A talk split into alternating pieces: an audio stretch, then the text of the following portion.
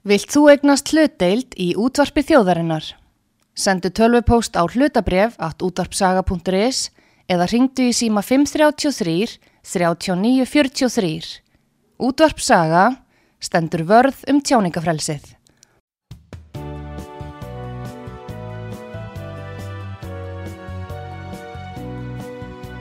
Sýteðis útvarpið á útvarpi sögu í umsjón Pétur Skunlökssonar.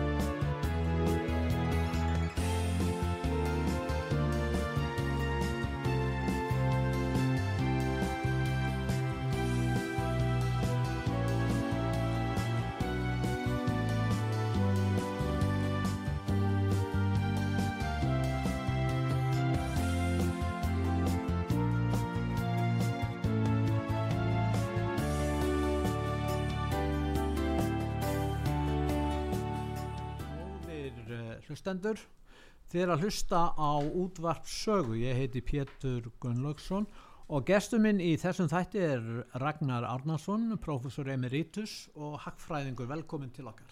Kæra þakki fyrir það Pétur. Nú, uh, verðbólgan á Íslandi í dag er 9,9%, herren í viðskiptalöndum okkar. Uh, vexti, stýrivexti 6,5%, herri en í hérna viðskiptalöndum okkar. Hvers vegna er þetta svona? Ragnar, getur þú útskýrt þetta? Já, þetta er nú ekki hægt að útskýra í stuttumáli, ekki einu sinni klukkutíma útvarstætti, þetta er nokkur flóki mál, Já, en það er sennilega holdt að líta aðeins á staðrinnar, þú segir að verðbólgan sé 9,9%. já þið segja Það- hérna peninganemdin, stefnum Já, já, ég er nú ekkert að gaggrina þig svo sem sko og þetta er í sjálf og sér ekkert raung tala en, Nei, en þetta er 12 mánaða verðbólga, þetta er verðhækkun undarna 12 mánuði, já, verðbólgan í dag, mæld á mánaðagrundvelli, er, 7% nei, hún er vel yfir 10%, hún er nærði yfir 11, 11-12% það er að segja verðhækkanir í síðasta mánadar í, hafnar upp í 12. veldi hafsakið orðbræðið en uh, sem sagt ef það væri sama verðbólgi í 12 mánuði þá væri ársverðbólgan já, í kringum 12% ég er ekki alveg með þess að tölu nákvæmlega en það veri vel yfir sér 10% og hvað merkir það? Ef ársverðbólgan er í 9,9 svo þú segir sem ég held að sé næri lægi undan 12 mánuði og mánaða verðbólgan núna er vel yfir 10% um 11-12% eins og ég sagði þá þýðir að það að verðbólgan er uppleið. Og verðbólgan er núna bæði hærri á Íslandi heldur hún í helstu nákvæmlega löndunum og það sem meira er hún er á leiðinu upp á Íslandi á meðan hún er á leiðinu niður í nákvæmlega löndunum En nú talaðir um hérna undirliggjandi vel, verðbólga telst vera 7% ég myndist að segja, hvað er það? Já, hvað kallar selabangin undirleikjandi verðbólgu? Já, hvað er það? það á, þar á hann við verðhækkanir sem stafi ekki að sérstökum hlutum. Þannig ég ímynda mér að e, frá verðhækkunum hafi hann þá dreigið verðhækkanir á innflutningi vegna almennar verðbólgu, sérstaklega á málmum og öðrum ráðnum ellendis í kjölfar e, Úkrænustrísins og, og COVID að einhverju leiti og jafnvel þessar verð, ofinberu verðhækkanir sem urðu núna um áramót. Í þeirri von og trú að þetta sé eitthvað sem gerist ekki aftur reglulega. En hvernig að fyrir nákvæmlega því að rekna undirleikjandi verðbólgu þarf hann að útskýra sjálfur. En það er eitthvað í þessum dúr. En Ragnar, nú er tilgangur þessar að hækka, hækka, vextina, stýrivextina er að eiginlega skapa samdrátt dragu þenslu en nú erum við með eiginlega sko ofinberi geirinn. Það er svolítið erfitt að draga þar saman því að þeir eru alltaf að bæta við sig og, og hafa þessar stýrivexta hækkana nokkuð áhrif á þann þátt hækkerfisins ef við hugsaum okkur að ofinberi geirinn baknu heldur áfram að þennjast út þó að sé næga atvinna að fá og ættir raun og vera að fara atvinnu þeir sem er að vinna á ríkinu ætti að fara yfir í enga geiran undir, eða veri heilbrygt kerfi.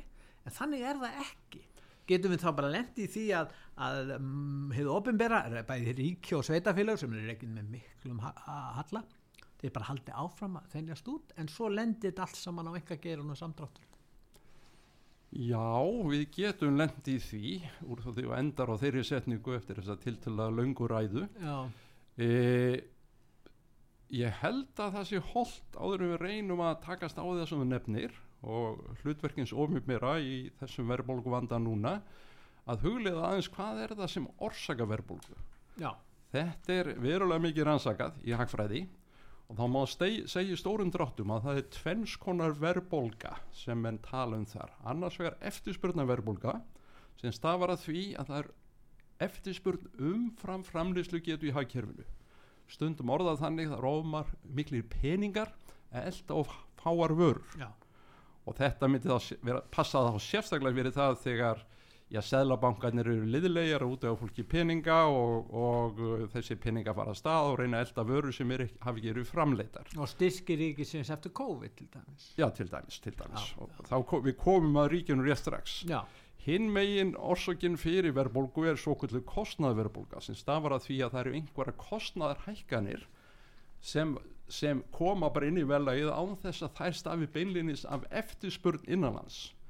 Til dæmis eh, ef það eru verðhækkanir á ráförum út í heimi eins og varði á COVID-tímanum og sérstaklega í kjölfar uh, Úkrænustrísins mm. þá eru það flytjast þær bara til Íslands að verulegu leiti og hafa áhrif á vel á Íslandi alls og mjög leiti sem þessar vörur ganga inn í vörur á Íslandi. Annað sem getur verið söpuðu tægi eru náttúrhamfari sem eiðalegja verðmæti þannig að það eru minni verðmæti eftir. Og þriðja er þegar ríki til dæmis hækkar verðlag á sinnið þjónustu eins og gerðist núna um áramótin. Og fjórða, merkilegt nokk að því þú þegar nefnda eru vextir. Það er að segja þegar Sæðlabankin hækkar vextir, vexti og bankakerfið hækkar vexti í framaldinu þá er þetta kostnaður já bæði fyrir heimili og fyrir fyrirtæki. Mm. og hefur þess vegna ríka tilningu til að ganga út í velægið þannig að áður en vextirnir fara að virka á þennan hátt sem þú talaður um áður mm. draga úr eftirspunni í hagkerfinu og svona draga úr því hvað hjólinn snúast það rætt og þar með dregur úr tekjum og þar með eftirspunni og svo frammeðis þá valda vextinir upphafi auknum kostnaði sem er sennilega fljótari að færa veljaðið upp heldur en þessi neikvæðu áhrif vaksta á, á velag Þetta eru svona tvei, tvær megin ástæðunum fyrir e, verðbólgu að áliti hagfræðinga og endalega er það nú reyndar allt eftirspurnaverðbólga mm. vegna þess að þessi svo kallega kostnaverðbólga þar sé að sjálfstæði kostnaðarhækkanir það get ekki verið varanlegar nema þessi næg eftirspurn til þess að fjármagna þeir, til þess að kaupa vörurnar og svo að herra verði þannig að þetta er endalega allt eftirspurnaverðbólga Það komið einhvern leiti á Le, Leif mér nú aðeins að klára sko. Ég, ég er professor emeritus ekki ekki, ekki, ekki neitt og, Nei. og, og flýtt þess svona langa ræður. Já, og uh, þá komum við að, að hlutleld ríkinsins í öllu þessu.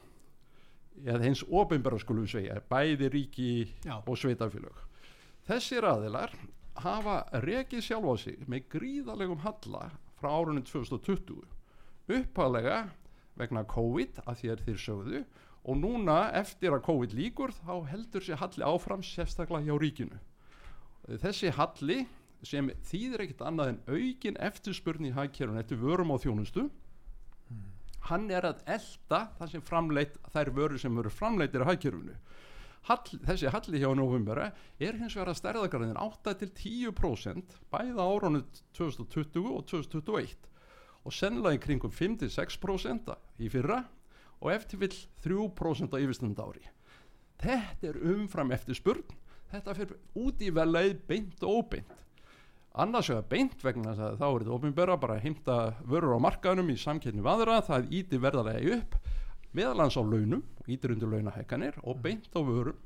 Og líka eftir sem þetta er ellendum vörum sem uh, hefur neikvæða áhrif á viðskiptujöfnuðin sem uh, hefur verið mjög neikvæður þessi ár. Ekkert merkilegt að því ríki var eða svona miklu og sveitafélög og sem hefur leitt til þess að gengið hefur lækkað verulega. Og gengið hefur bein áhrif á vellegð þegar gengi krónunan lækkar það hækkar vellags á innflutum vörum nákvæmlega jafn mikið. Þannig að það sem þú nefndir á þann ég bara tek hér með undir það hefðu ofinbera, þessi gríðarlega hallar ekstur án ofinbera er stór þáttur í verðbólgu þróununni sem við erum að sjá núna og sjálfstæð ástæði verið því að nú hækkar vel á Íslandi mjög hraðarinn nákvæmlega löndunum og er satt að segja uppleið á meðan það er velasækkanir er á niðurleið í löndum Útþensla banksins hefur þessi áhrif. Útþensla banksins en þá fyrst og fremst hmm. það að báknið er að eigða meiri peningum heldur en, taka, heldur en báknið tekur inn. Já, þeir, get, þeir eru búin að lýsa því yfir hérna, fjármálur á þeirra það eru hvað 193 miljardar í ár hallið eða það var. Núna verður halli allt kjörtímabilið út. Það er búið að lýsa því yfir. þannig að það er búið að segja við almenning það verður halli og það hefur áhrif á vendingar fólks líka. Þetta má eiginlega orðað þannig að fjármaráður hefur sagt við ætlum að halda áfram að kynna undir verðbólgu á Íslandi og við ætlum að gera það út allt kjörtímanbilið og Já. þið skulle þá hafa bara að hafa það sem eftir er.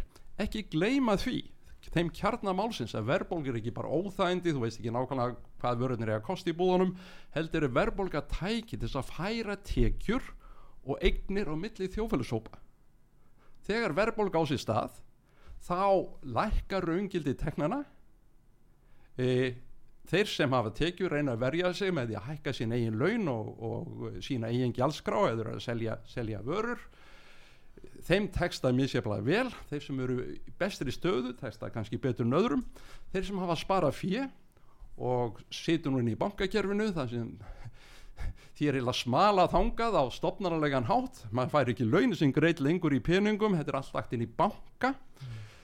þeir þurfa að horfa upp á það að þessar innistæðu þeirra er að rýrnu þetta já, allt upp í verðbólgurraðan á hverjum einasta mánuði 10% á hverju já, 10% ári skulum við segja. 1% cirka á hverjum einasta mánuði. Vegna þess að kaupmáttur þessara innistæðina sem hækkar mjög lítið með mjög lágum vöxtum dregst aftur úr verðlagshækkun á vörum. En er ekki núna kjöri tækifæri fyrir ríkið að draga saman það sem næga vinn er að fá núna á markaði, það er sagt, það er næga vinn að fá og þá gæti ríkistjórnir sagt, já nú ætlum við að segja upp fullt af fólki, það getur fengið vinnu í engageranum og það er okkar framlega í baráttunum gegn verðbólku. Hvernig líst þér á það? Mér lístu vel á það en ég held að nú ofinbjörn að lítist illa á það Á hverju, já, sko ef við lítum bara hagfræðilega á þetta Þetta væri skynsalnast að gera út frá hagfræðin en ekki, ekki pólitíki Tæknilega, verkfræðilega, eðliðsfræðilega og hagfræðilega já. er þetta velfær leið og hún mun ná þessu tæknilega markmiði að draga úr verðbólk á Íslandi og sennilega leiða líka til miklu betri nýtingar á framleyslu þáttónum þannig að þeir nýtist betur til að skapa raumuleg verðmæti í landinu. Mm. þetta er alveg rétt hjá þér. En það er ákveðin lögumól sem ráða því hvernig stjórnmálamenn hegða sér. Þeir hafa áhuga á því eins og allir aðrir að gera sitt líf merkilegra og skemmtilegra og hvað er skemmtilegra heldur en að geta eitt peningunum í sín eigin áhuga mál sérstaklega þegar þeir peningar eru peningar annara en þú hefur bara náðinn til þín með sköttum og göldum og getur notað í þín eigin áhuga mál. En þeir hljóta að gera sér grein fyrir þetta bara tímabundið. Ef að á að fara að meta framlega stjórnmálamann sem allir að vera í stjórnmálum í 20 ár til þess að ungu konu, Katrín Jakobsdóttir ég er ekki að taka neitt persónulega fram en ég menna ef hún vil fá góðar engunir eins og hún fekk í skóla fyrir að vera góðu stjórnmálamæður þá verður hún að líta yfir lengra tímabil. Uh, ég menna menn deildum Keynes á sínu tíma, hann sagði bara þegar að uh, hérna, við skulum bara færa hérna auka umsvið ríkisins þegar samdráttur er í enga gerunum og öfugt. Við gerum hins vegar allt annað. Við höldum áfram að þennja út geiran hvort sem enga geirunum gengur betur eða verð hverju orðið sannara Pétur, hverju orðið sannara en ef maður reynir að huglega það sem uh, það dæmi að þann leik sem stjórnmálminn standi í þá er það ekki þannig að þeir sjáu fram á næstu 20 ár í, í valdastólum flestir þeirra sjá bara fram á nokkur ár í raunverulegum valdastöðum þar að segja sem ráðherrar. Og uh, á þessum tíma verður þeir uppskera í samræmi það sem þeir hafa sáði í sinni pólitísku baróttu kannski mörg ára undan mm. þeir hafa heldur ekki neina verulegar áhyggjur af því hvernig þeir verða dæmdir í framtíðinni meðal hans vegna þess að þessi dómar eru mjög ónákvæmir og óræðinleir og þú getur haft mikil áhrif á það hvað sagan segir um þig til þess með að skrifa þenni eigin æfisugu þetta, þetta þekkir þú manna best. eða eiga, eiga uh, fjálmjöla fyrirtæki og reyka áruð já já og skrifa bækur, bókafólög og útvarstöðar, sjóastöðar og, og ríkisútvarpið sjálft.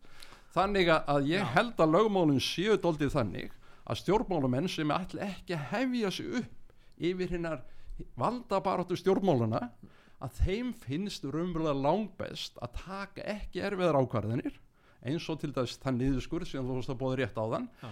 heldur að eigða pinningum og að því það er líka dálítið erfitt að skatleika þó það sé ekki neitt rosalega erfitt miður við það hvernig skatlækningarsagan á Íslandi er að þá er best að eigða peningum á þess að hafa þá og með lánum og láta síðan framtíðina bara sjá um sig og halda það síðan fram blákalt gegn tölunum staðrendum að íslenska hagkerfi sé að standa sig vel og betur heldur en hagkerfi annara landa sem er satt að segja bara ósatt. Og síðan benda er á Sælabankastjóran og hann lækkar vext, hækkar vextina og það er sársöka fullt fyrir skuldara. En hann sagði í viðtali gær jújú, það þarf að hækka vextina og hann var spurður að því hvað hefur hann önnur tól til þess í baráttunum gegn verðbólgu. Þá sagði hann að vísu já en hann svaraði ekki hvaða tól hann hefur önnur. Hvaða tól hefur Sælabankastjóran Já, Sæðlabankastjórin hefur náttúrulega ímis tól en þau eru flest frekar svona bit lítil og ónákvæm.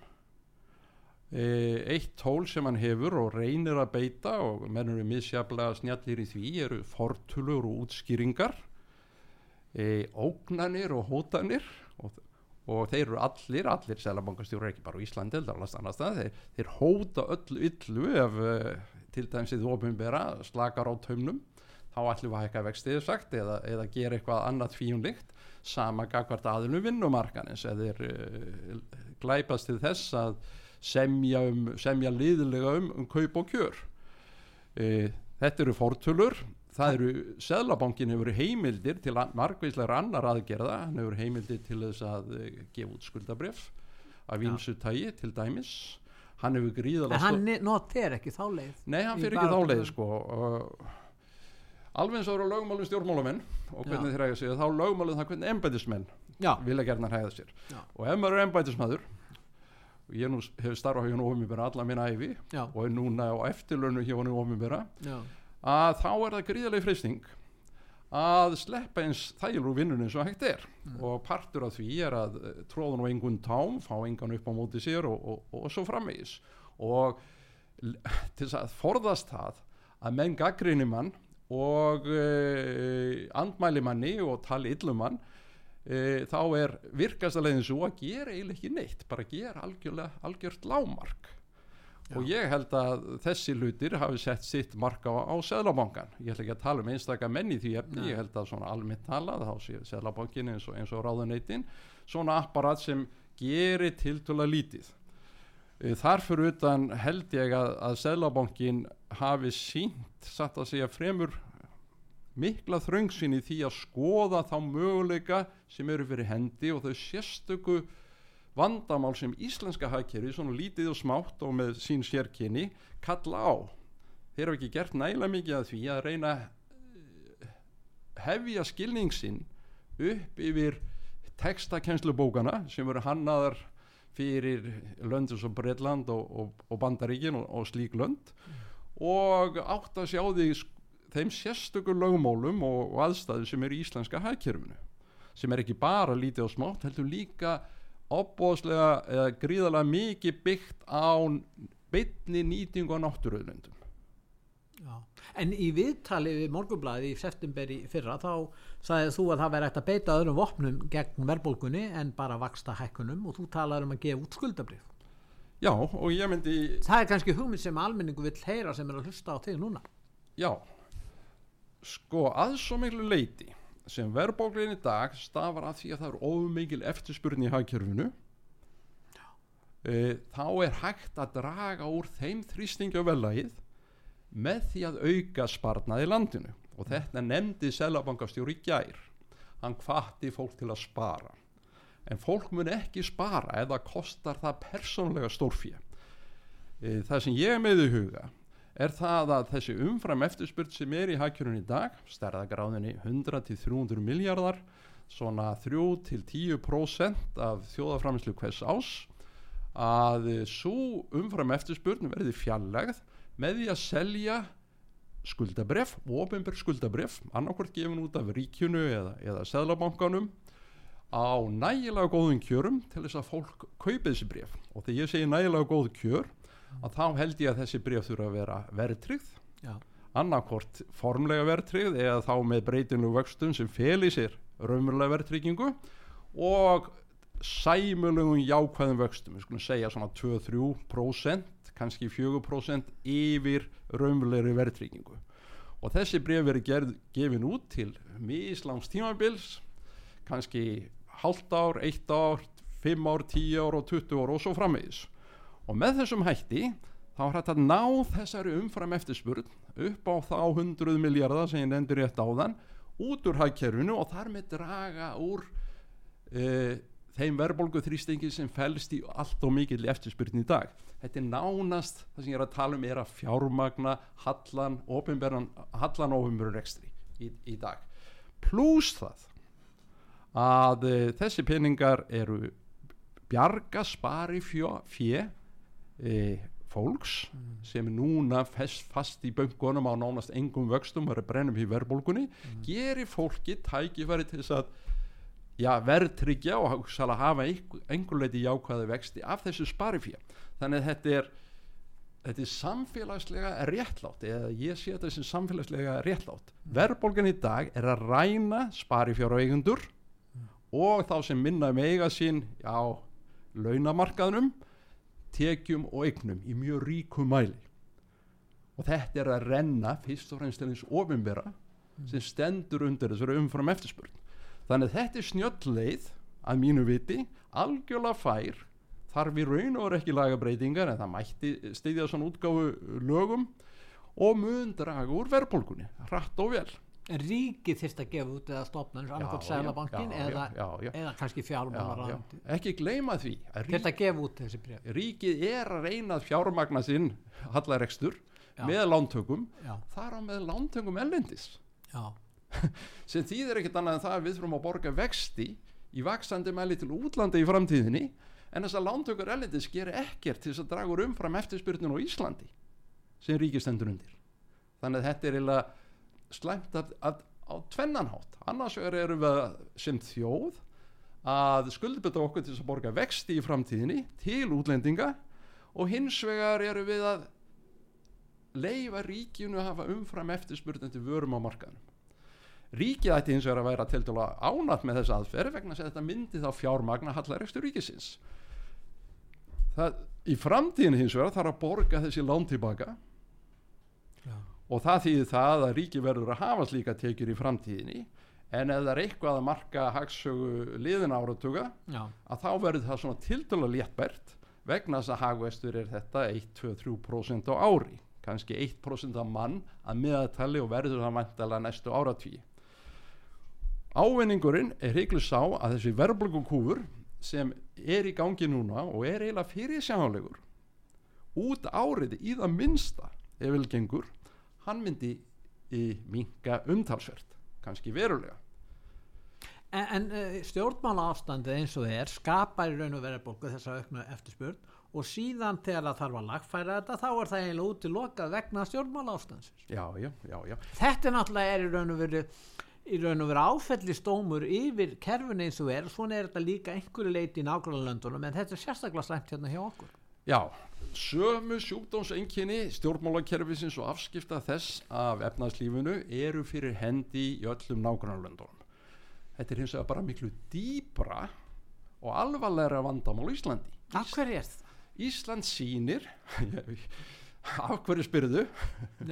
Það, það, er, það er kannski erfitt að svara því við skulum Já. kannski reyna að koma að því og eftir en í millitíðinu skulum við segja það sem ég ætlaði að byrja að segja. Já. Ísland sínir ímiðsmerki vannþróaðs efnaðskerfis efnaðs og, og pólitískerfi almennt talað er meiri verðbólka og meiri hallarekstur og ofjöfnirrekstri í svo kvöldum vannþróðun löndum heldur í, í svo kvöldum þrónulöndum Kortvekja er búið að vera einnkjön á Íslandi í ára tí og er enn einnkjön á Íslandi við erum með miklu meiri hallarekstur hjá nú ofnir á Íslandi heldur en nákvæmlega löndunum og meiri verðbólku núna og hún er vaksand á Íslandi heldur hún er í nágrannlöndunum og þetta er að sama, það má segja að við sem að sigla svona inn í núna eins og er inn í svipað ástandi eins og hefur einkend Ísland frá styrjaldar lókum En nú segja Evrópusinnarnir við tökum upp Evró og þá leysum við vandamálið. Þeir segja það, þú veist það Já, ég, ég, ég, ég veit þá segja það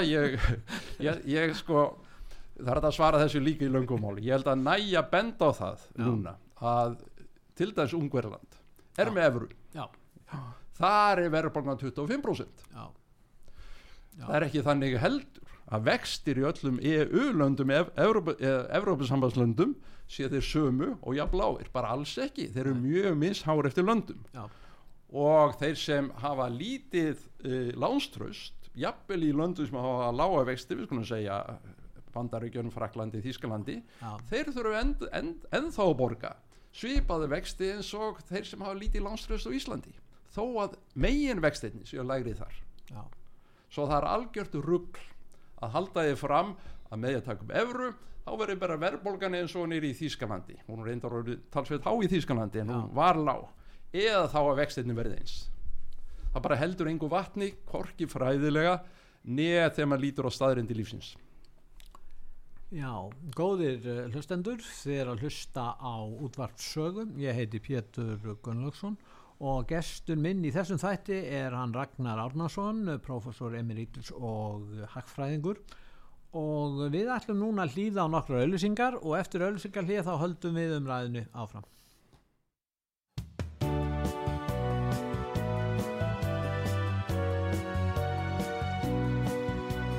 Síðdeðis útvarpið á útvarpi sögu í umsjón Pétur Skunlökssonar.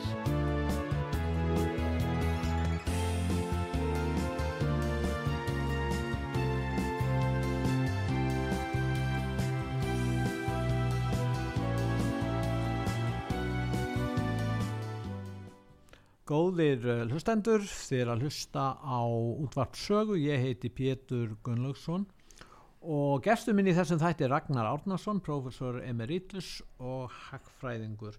Nú Ragnar, eh, fyrirtækin í landinu skulda mikla peninga. mm -hmm. Ég heyrði töluna 5.200 miljardar Mm -hmm.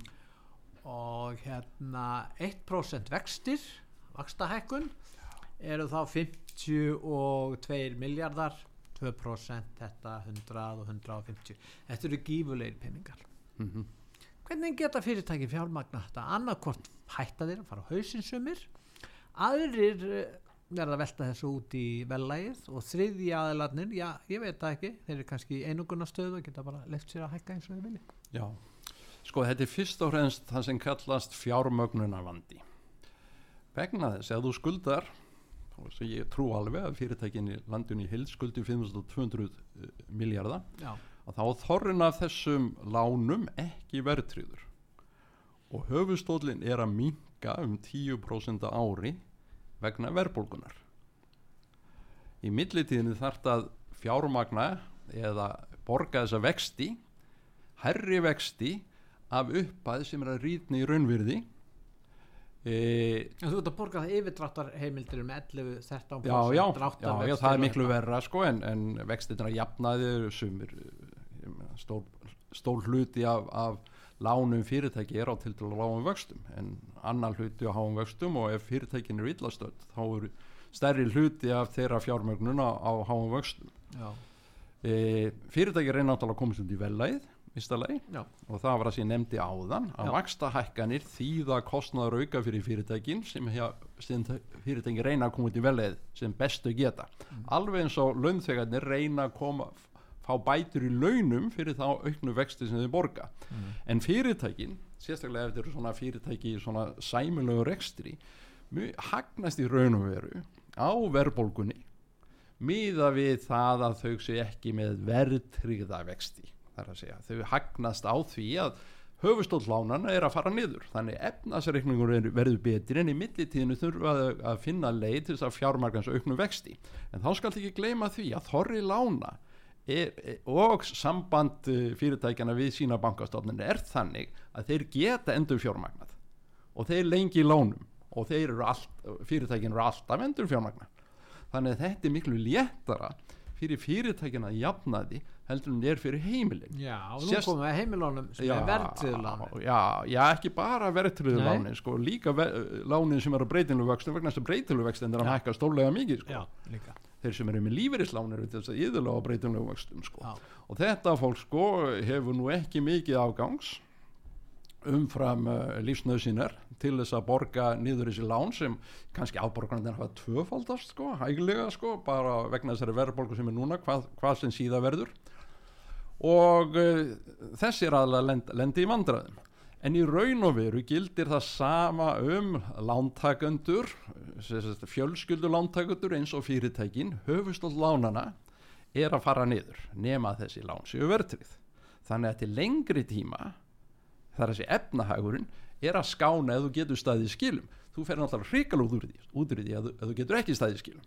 Vegna þess að þá hugsaðlega bara missur þú þínu eignir það lenda uppbóðum þannig að, að þessu sko lánströst uh, heimilana er miklu lakara heldur en lánströst fyrirtæki að jafnaði. Þannig að þau heimilina eiga miklu erfiðra með að fara til sinna banka og segja nú þurfum við að lána okkur eða fresta afborgunum eða, eða lengi lánanum og svo framið sérstaklega þegar seðlabankin er að svona setja þumalskrúfur á bankana og hvetja á þess að lána minna og svo þar við bætist að þið ofinbera líka líka á böngunum vil fá lán frá böngunum þannig að ég hef hérna verulega miklar áhyggjur af heimilum í þessari stöðu. Þetta er eina ástæðan fyrir því hvað verðbólka er vond. Hún endur skiptir og endur aðar bæði tekjum og eignum á milli hópa í samfélaginu. Og við slíkar aðstæður á þá eru sem minnst megasín þeir launalegstu og, og eignalegstu sem, sem standa vest af í Við erum að tala þá sem standa illa vigi en þeir sem að hugsalega græða á þessu tökum bankan sem dæma. Eru bankarnir að græða á þessum gífulega hækkuðu vöxtum stýrivöxtum? Uh, það fer stuttasvarið er þeir hafa verið að græða fram að þessum Já. vegna þess að vakstamunurinn hefur, hefur auk, hann var mikill fyrir já. og hefur aukið stórlega. Er það meining hér í öðrum löndum? Já, já, hann er miklu meiri hér heldur en flestum öðrum. Já, það er að því að við erum vannþróðhagkerfi við höfum litla samkettni á, á, á peningamarkaði og fjármálamarkaði. Og eh, vegna þess að já, verðbólgan er bara meiri hérna og, og svo framvegis. Það er góð fjárfesting að eiga í banka á Íslandi það hefur reynst afar góð fjárfesting svona yfirleitt en öðru hverju faraður á hausin Já. eins og dæminn sanna, það er ekki bara í, í fjármála hrununu 2008-2009, þetta gerist líka 1930 þegar Íslandsbanki voru hausin og margir töpuðu miklu fyrir þannig en, en sem sagt bankastar sem á Íslandi hefur verið mjög ábætasam og bankarnir sko og Seðlabanki verist að hafa leift þeim það Já. að komast upp með það að hækka útlánsvexti verulega. Já. núna ég sér í vakstarínu vakstahækkunarrínu en ekki innlánsvextina miklu minna, innlánsvextina eru að vísa síga upp. Já. þannig að þú sér sko bankana senda bara peningana inn í stelabankan inn í stæðunar það sem stelaborgi borgar þeim háa vexti. En nú haf, hefur stelabankin spáð því að segja hagvöxtur í fyrra sanga tjóðhagsbá stelabankans er 7,1% og þetta er æ, mjög hár hagvöxtur, geysla hár sennilega einhvers á hæsti bara hjá þróðum ríkjum 7,1% Nei, ekkert, ekkert Er það ekki rétt? Já, kannski á því á Í Evrópu? Já, já, já, já, við tökum bara eitt ár fyrir Takk til Kína Hvern? með 9-10% sko, Ekki núna, ekki, ekki núna, ekki núna síft árið Nei, nei En hvað segir um það núna? Þetta er sjö, nú hefur við altså mikinn hagvöxt og mikla verðbólgu. Þetta minnir á árin svona 72 til 80 rúm. Þetta er svona þá var mikill hagvöxtur á tímabili og geysila há verðbólgu. Ekki gleima því mm. að þessi hagvöxtur í fyrra mm sem hefur örgulega verið mikill þó ég, ég er upp með að trúa þessi 7,1% sko, slíkar tölur já, já, þeir segja það núna, það veit ekki hver hafisturinn var í fyrra, nei, sko, nei. þessar tölur leiðir eftir jafnvel um hálft prosent jafnvel 1%, 1, 2, 3 ára aftur í tíma þeir hækku þetta, vorum þetta að þessi hafistur, hann kemur í kjölfar gríðaleg samdráttar á Íslandi árið 2020 og 2021 mm. upp, á, upp á sömu tölu, svona stærðagráðinu til. Mm 7% samdráttur í, þjóðafrænslu síðan gengur hann tilbaka á síðast ári. Þannig að við eigum ekki meiri peninga heldur en við áttum 2019 mm. í stórundráttum og þetta er svona eitt af einkjönum stjórnmálana og stjórnmálamanna að berja sér upp í róst og benda á einar, ein, tölu hér og tölu þar ein og eina tölu sem kemur þeim vel að að segja alla söguna. En, og ekki gleyma því heldur að frá 2019 þá hefur sennilega bætt við munnum sem þarf að fæða á Íslandi upp á 20.000 manns. Eða það er um bylli meðlans vegna influtnings Ég á fólki ætla að koma að því í sambandi við útreikning á hagvexti Aldrei gott Pétur minn að skildi vilja Já, koma að vegna þess að við höfum fleiri aðlar sem er að koma hinga sem hælisleitur heldur um fæðast á Íslandi Já, náttúrulegum já, fæðast já. Þetta er mjög óvennlegt og hvernig hefur þetta á að nú er þetta fólk sem lifir á kerfinu hérna hjá okkur einhver tíma og hvernig spilar þetta í hagvexti nú er aukin eftirspurn eftir för og þjónustu frá fólki sem kemur ringa og það er raun og verið kynntir undir hagvexti eða gerfi hagvexti eða hvað ég kalla það. Kynntir undir hagvöst eða verðbólgu. Það fyrir eftir hvort að það er hægt að framleiða meira eða Já. ekki sko. En þetta, þessi stefna í málefnum innflytjanda hefur í raun og verið kynntir undir bæði verðbólgu og einhvers konar síndarhagur. Já, Getum við sagt það? Já, sko þegar menn horfa á, á hagvöst á Íslandi undanferðin 10-15 ári eða svo við skulum segja bara 10 ár Já. þá hefur hagvöxtur e, verið sæmilega góður og, og nokkuð umfram það sem er í nákvæmlega löndunum Já. en hagvöxtur á mann á Íslandi hefur verið slagur nokkuð lengi þar að segja alveg frá við skulum segja fjármálarhrunnu og fram á þennan dag vegna þess að fólksfjölgun í Íslandi hefur miklu meir enn í nákvæmlöndum fyrst og ræðst vegna innflutnings á fólki. Já.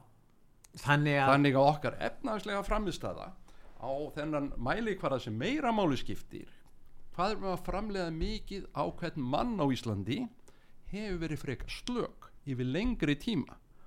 Og þó að það hafi verið góður hagvistur í fyrra þá breytir það óskup litlu því að þá eru við bara að vinna tilbaka sem við tapað tvö ára undan. En eh, það sem að hið baknið hefur stækkað og svo liggja fyrir rannsóknir sem þú þekkir eh, auðvitað vel eh, um það að að nýting á fjármagni hins opinber er, er verri heldur en fjármagn annars það þýðir það að að við erum á niðurleið varandi framleiðinni í, í heldarhækkerfinu út af stærra bakni það mun rétt vera. En, en, en akkur má ekki tala um þetta já þú nefndir það sjálfur rétt áðan. Þetta er eitthvað sem kemur sér illa fyrir stjórnmálamenn já, sem er að þenni út þetta bákn já, bæði á sveitastjórnastígi og ríkistjórnastígi vegna þess að það er svo gaman fyrir þá. Þetta skadar okkur þess vegna, miklu þess, vegna, vi- þess vegna vilja þeir ekki tala um þetta. Og þeir hafa helstu fjölmiðlalansins og fjölmiðlun svo ekki sem minnst á skólakerfið undir sínum já, helja, undir, já þeir ráða þess, þessum apparutum. Það var undir þumalfingrunum sem menn segja á ennsku en þetta skadar okkur svo mikið. Þetta, þetta, þetta, er- þetta skadar okkur þetta er svo sorglegt og dapulegt að þetta skuli vera það svona. segir þú að því þú ert að hugsa um hag þjóðarinn og Íslendinga? En þeir sem eru í stjórnmálum eru bara að hugsa um sinn hag.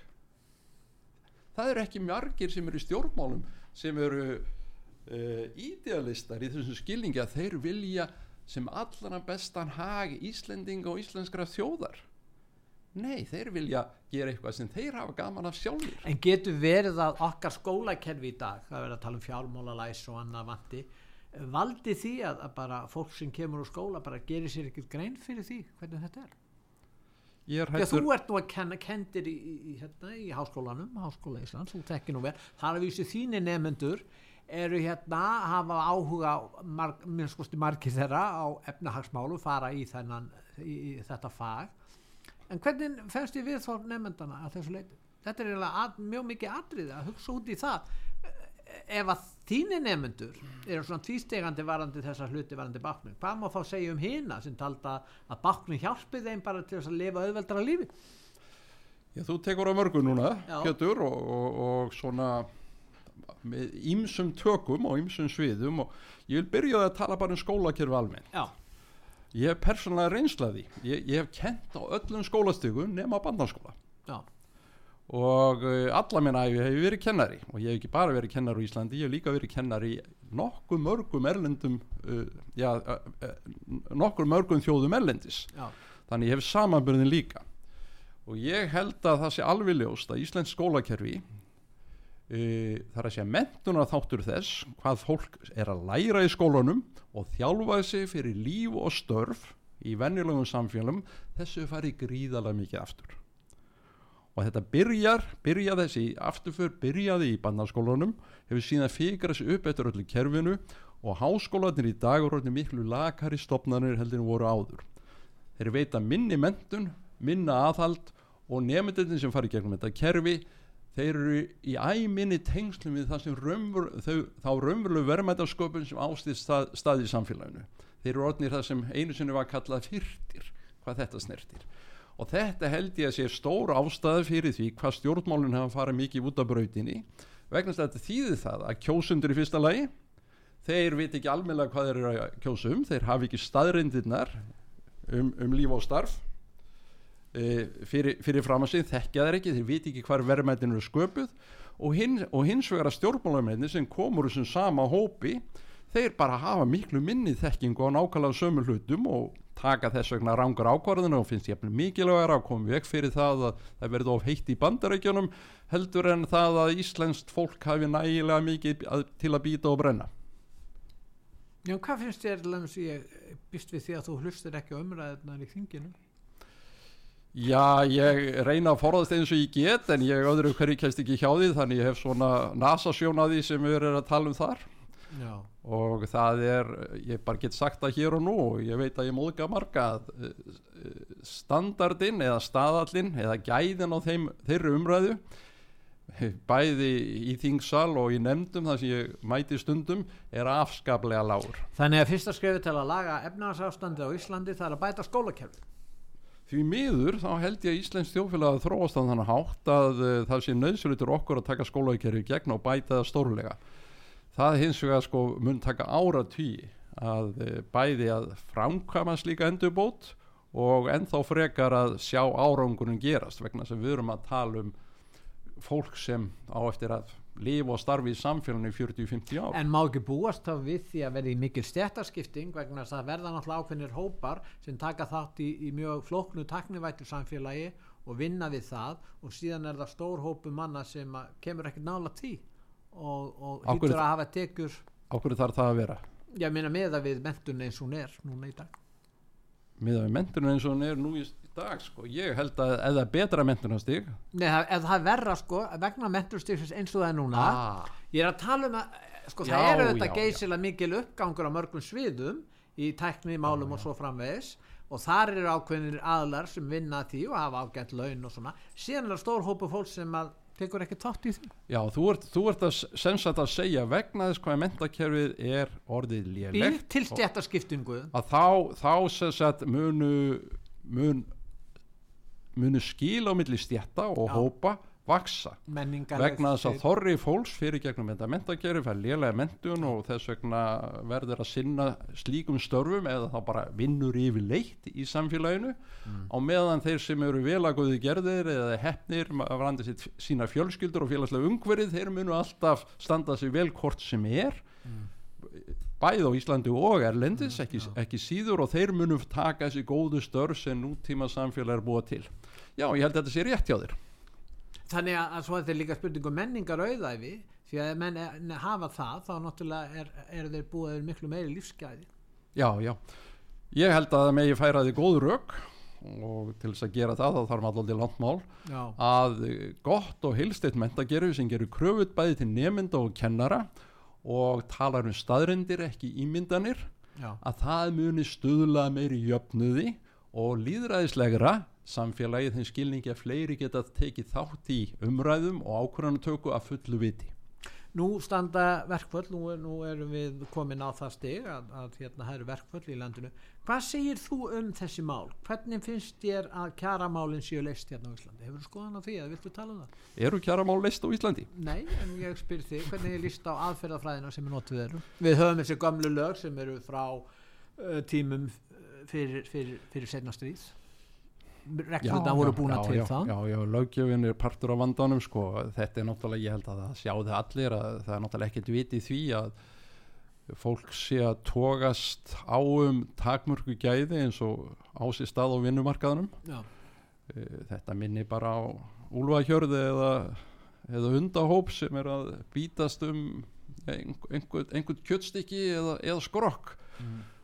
sem þau hafa náð í Uh, það fer gríðaleg það er gríðaleg són sem fer í að ná stærri hluta af kökunni mm. og svo sóun, hún fer ekki neina potta, hún bara gufar upp og frá þessu sjónamiði, reyn tæknilegu sjónamiði er þetta afskapla vond kerfi og þess vegna hlýtur hugurinn að beinast að því hvort það sé ekki einhvern svona betri aðferð við það að skipta þessari köku sem við reynda framleiðum á hverju ári þannig að það breytir líka kaka skiptir á millu okkar þannig að já, betur gangi.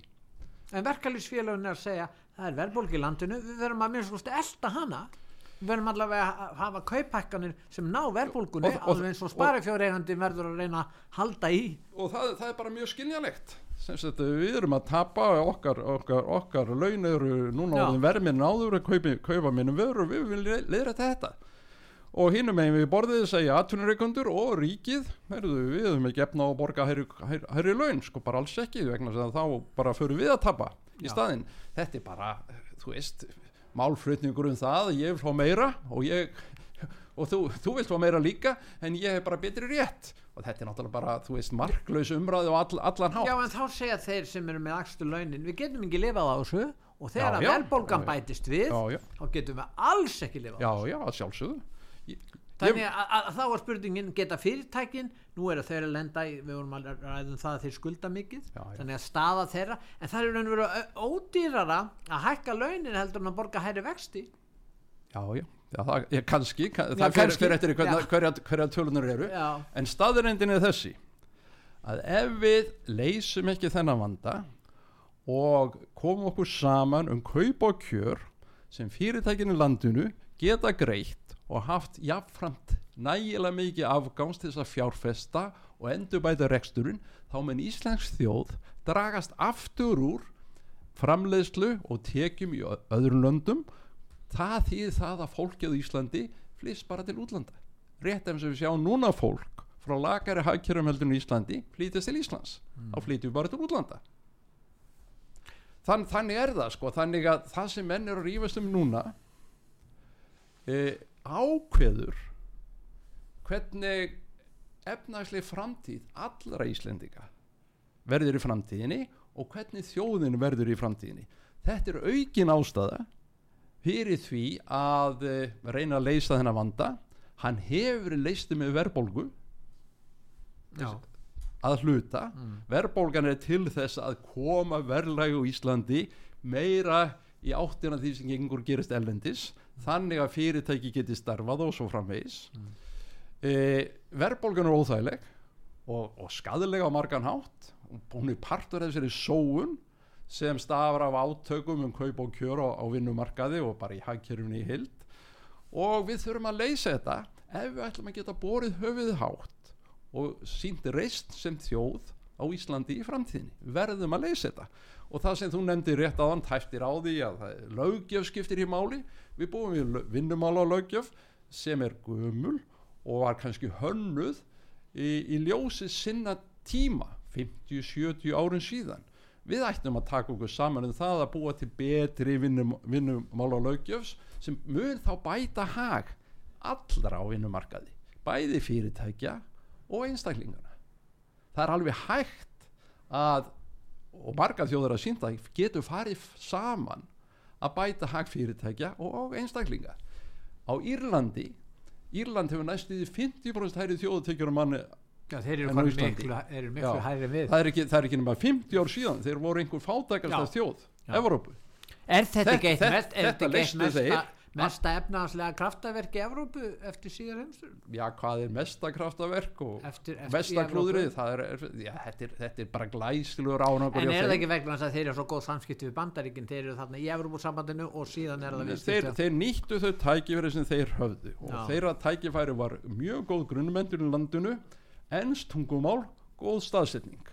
Þeir já. nýttu það og fyrst og næst með því að hafa lága skatta á fyrirtæki þetta er ekki leið sem allir aðri geta að fara en ég bend á annar land í miðju Evrópussambandinu, Sviss Já. sem er sömulegs með 50% hæri þjóðtækjur á mannheldun Ísland. Og hefur, hafa lítið að náttúruöðlundum nema fjöll og fyrirniti eins og við höfum í Íslandi, þeir standast í gríðarlega vel. Og það er ekki þessi átök og vinnumarkað heldur. Og venjulega launþegi Sviss hefur miklu hæri rauntekjur heldur en Íslandíkar hafa. Þannig að þetta fer saman og ef launþegar vilja hafa góðu laun þá eiga þær allt sitt undir því að fyrirtækin standi sér vel. Bestu og ríkustu fyrirtækjun í Íslandi borgar líka bestu laun. En ef við lítum á það að, að, hérna, að fyrirtækarskattar eru kannski lágir, þeir eru lágir í Hollandi, þú myndist á, á Írland Þeir eru ekki lágur í Íslandi, þeir eru bara svona einhverju meðalæg Já, þeir eru ekki lágir á Íslandi en, en telur nú til dæmis reitt flokkur eh, sjálfstæðisflokkur fyrir síðustu kostingar tala um að lækka skatta nú erum búin að lýsa því hvernig baknið er og, og skuldarstaðan og annað. Eh, er nokkur möguleiki að því að horfa fram á lækkandi skatta í framtíðinni með að við baknið eins og er í dag það tekur langan tíma að vinda ofan að bakninu auk þess að það er að bæta skólakerfið eins og sem vintist á og, og fleira Eina leiðin til að lækka skatt á Íslandi og, og þegar ég segi skatt þá skulum við ekki gleyma því að skattar eru mjög fjölbreytilegir og í vaksandi mælir þið konu út í svona þjónustugjöld mm. bara því að, því að menn eru konu upp í 50% tekjuskatt mm. upp undir það í dag sko. þá bara svo erfitt að hækka hann svo þið ofin verið að leita hann að leiða eina leginn til þess að lækka þessa skattheimdu ríkisins er að ríki dræði sér saman ríki og sveitafélag og það er hreitn ávinningu fyrir þjóðina vegna þess að það sem þú sagðir áðan að þeir peninga sem fara til þessu ofinbera nýtast miklu verð heldur en sama upphæð í vasa einstaklinga til þess að auka velferð. Velferðarframlag peninga hjá fjölskyldunum er miklu meira per krónu heldur en hjá en ofinbera það er hreitn ávæningur að því beint að minka umfangið eins og óbera þannig að til þess að lækka skatta þá þarf að minka umfangi og ríkjaðu núna eða uh, ríkja og sveitafélagi er í námynda við helmingin af þjóðvarnarsluna eða því. Já. þetta ætti að fara niður í kannski 25-30% maximum. Og þessi 20% sem við spurum okkur þá verður helmingur af því verður þjóðhæslegur ávinningur. Beitt þjóðhæslegur ávinningur Þú lísti því áðan hvernig stjórnmálin er og líkunar á því að það sé til hagspóta fyrir stjórnmálastjettina að gera þetta eru litlar sem engar. Já, ef þjóðin tekur sér saman í kraftið þekkingar og skinnings og gerir þá kröfu til stjórnmálamanna e, og stjórnmálana að þið leysið þennan vanda. Ef það er nægilega mikil krafum það þá mun það gerast. Að því að þráttur allt saman búi í svona líðræðissamfélagi það sem hægt er að hafa áhrif á stjórnastefnuna. Heyrðu ég þetta þessi nú góð loka orð Ragnar Ándarsson, ég þakka þið fyrir að koma til okkar. Já, mínu var ánæginn